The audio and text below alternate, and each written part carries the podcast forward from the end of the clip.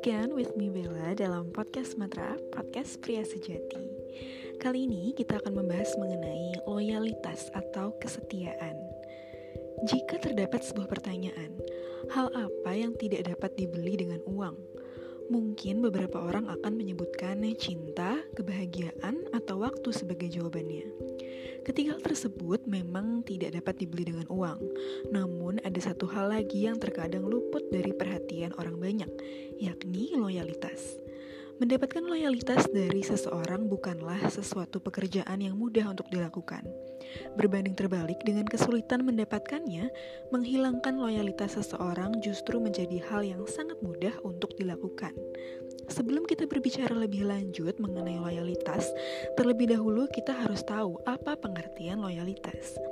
Menurut Oxford Dictionary, pengertian loyalitas adalah the quality of being loyal, di mana loyal didefinisikan sebagai giving or showing firm and constant support or allegiance to a person or institution.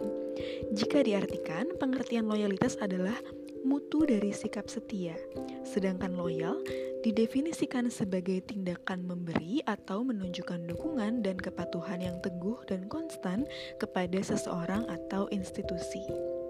Sementara itu, menurut Kamus Besar Bahasa Indonesia, pengertian loyalitas adalah kepatuhan atau kesetiaan. Sikap loyal dapat diterapkan oleh setiap orang dalam berbagai hal. Salah satunya adalah loyalitas karyawan terhadap perusahaan. Setiap perusahaan pasti menginginkan adanya sikap loyal pada karyawan mereka pengertian loyalitas karyawan sebenarnya tidak jauh berbeda dengan pengertian loyalitas secara umum. Dalam pengertian loyalitas karyawan, kesetiaan menjadi poin utama yang sering dapat diberikan karyawan kepada perusahaan tempatnya bekerja. Sayangnya, pengertian loyalitas karyawan kadang masih disalahartikan oleh beberapa orang, baik oleh pihak karyawan, manajemen, maupun oleh pimpinan perusahaan.